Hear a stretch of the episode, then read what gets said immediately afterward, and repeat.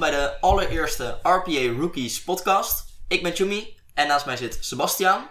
En ik stel voor dat we ons eerst even voorstellen. Ja, Chumi. Uh, ik ben Sebastiaan. Ik ben 18 jaar oud en ik heb net mijn VWO-diploma op zak. Um, ik ben in de RPA-wereld zeg maar een beetje gekomen door uh, bij RPA Nederland te gaan werken. En mijn interesses liggen een beetje op het gebied van artificial intelligence. En dat ga ik ook volgend jaar studeren. Oké, ontzettend leuk. Um, mijn naam is uh, Chumi. Uh, ik ben 23. Ik uh, ben bijna afgestudeerd. En ik ben een van de founders van RPA Nederland, waar jij dus ook werkt.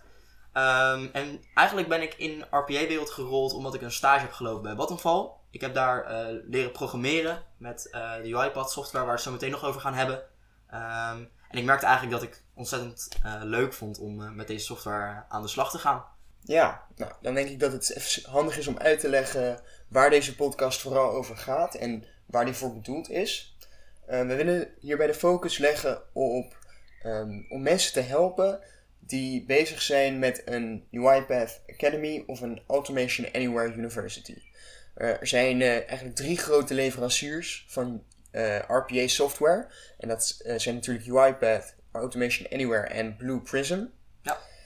Uh, maar Blue Prism heeft niet echt een opleiding uh, die je kan volgen online. Um, dus daarom leggen wij de focus op EE en UiPath. En, um, en voor duidelijkheid, jij doet EE, Klopt. die Academy. Ja. Daar ben je nu mee bezig. En ik ben nu bezig met die UiPath Academy. En uh, jij hebt die UiPad ook al afgerond. Klopt. Ik heb, uh, zoals ik net inderdaad vertelde, bij Vattenfall de kans gekregen om dat uh, te doen. En dat heb ik met beide handen aangegrepen. En dat betekent dat ik inderdaad de eerste developer cursus helemaal afgerond. en ik krijg dan ook een heel mooi certificaat. Dus dat is heel erg leuk. Dus dat staat je te wachten, Sebas. Yes, yes. Um, nou, wij zijn volgens mij de eerste Nederlandstalige podcast die überhaupt over RPA gaat. En sowieso de eerste die over dit leergebied gaat. Dus dat is waar wij willen scoren. Wij willen voor mensen informatie leveren. We willen ze tips geven, zodat ze niet vastlopen. Zodat zij het leuk blijven vinden om, uh, om te leren. En uh, we willen ook UiPath en Automation Anywhere natuurlijk een beetje vergelijken. Uh, wat, wat verschilt en wat is hetzelfde. Um, en waarom willen we dit nog meer doen? Nou ja, we willen los van al de dingen die jij noemt die ontzettend goed zijn, willen we ook um, ja, proberen begrippen uit te leggen. Dus wat we vaak merken is dat het soms lastig is voor mensen uh, om te starten met zo'n RPA development training. Uh, dat kan heel veel redenen hebben, maar uh, ik denk dat de voornaamste reden is dat er gewoon best wel wat terminologie in zit. Um, die voor sommige mensen gewoon, die hebben dat nog nooit gehoord. Dus dat kan heel erg lastig zijn. Um, dus wij willen eigenlijk heel erg de, de podcast toegankelijk houden voor zoveel mogelijk mensen. En daarom leggen we heel veel begrippen, proberen we uit te leggen.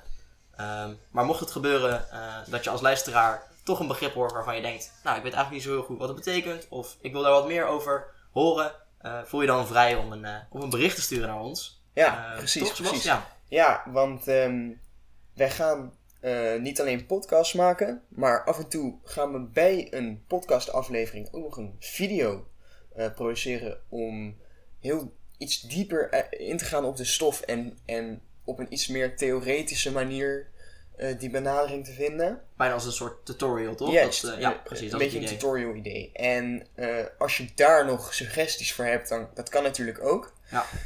we zijn blij met alle input die we sowieso van buiten krijgen. Maar verder gaan we denk ik proberen om zoveel mogelijk zelf een beetje in die chronologische volgorde van de leerscholen telkens aflevering te maken over, over onderwerpen en dat zo goed mogelijk uit te leggen aan de luisteraar, aan jullie. Precies.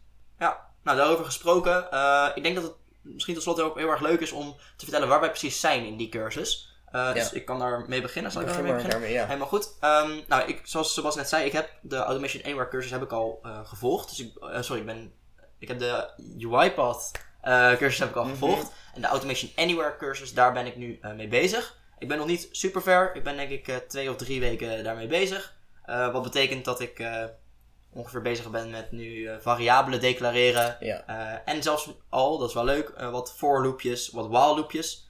Um, en dat is echt de basis van, Ja, van veel programmeertalen. Dus ik vind het leuk dat dat ook hier naar voren komt. Ja, ja um, ik ben ongeveer een maand geleden, denk ik, begonnen met de YPath Academy. En ik ben, denk ik, net iets verder, want ik ben al voorbij die for loopjes, while loopjes, if, else statements en zo. Uh, ik ben nu volgens mij bij het hoofdstuk string methods en lists en dictionaries. Uh, en dat is volgens mij uh,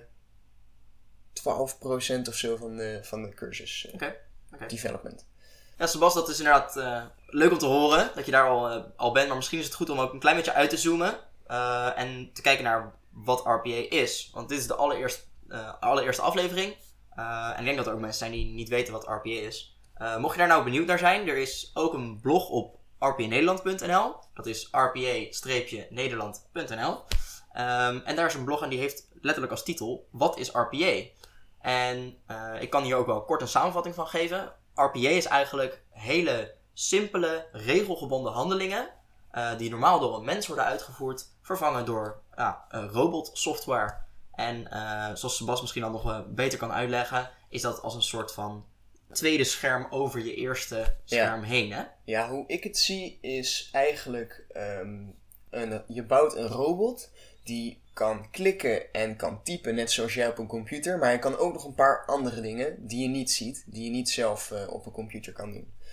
Um, zoals echt in die in bestanden, in Excel-bestanden of zo, oh ja, ja. informatie veranderen zonder dat je een echt Excel-bestandje opent of zo. Um, maar in principe heeft het dus vooral te maken met wat een gebruiker op een computer kan doen: klikken en typen. Precies. En uh, het automatiseren daarvan kan ontzettend nuttig zijn. Vooral omdat uh, RPA wat intuïtiever is dan de gebruikelijke automatiseringssoftware of methode. Um, wat betekent dat het ook veel meer uit, uit, blokjes bestaat. En die blokjes, daar, daar gaan we het nog later over hebben, die komen ja, super vaak terug. Dat ja. zijn blokken van bepaalde handelingen of activiteiten. Ik denk dat ook dat gewoon het meer toegankelijk is voor mensen die geen programmeerachtergrond hebben. Ja, precies. En ook interessanter, want um, RPA is een technologie die eigenlijk is ontworpen voor mensen die ja, niet echt kunnen programmeren. Uh, veel, tenminste, het hoeft niet per se. Je kan Precies, ook ja. processen automatiseren ja, in, de, in die uh, community of zo. Maar um, ja, het is eigenlijk globaler. Het is voor iedereen bruikbaar en het is ook belangrijk dat je het zelf kan bouwen. Dat is handig. En Ja. ja, je kan niet zeg maar programma's van andere mensen de hele tijd uh, gebruiken. Dat klopt. Dat klopt. Dan zijn we alweer aan het uh, eind gekomen van deze allereerste aflevering van uh, RPA Rookies podcast. En um, ja, tot slot, waar kunt u ons bereiken? Dat kan uh, natuurlijk via rpa-nederland.nl op de website. Dat kan via LinkedIn. of u kunt een mailtje sturen naar info.rpa-nederland.nl Ja, precies. Bedankt voor het kijken of voor het luisteren naar deze podcast. En over twee weken zijn we weer terug bij u met een nieuwe aflevering.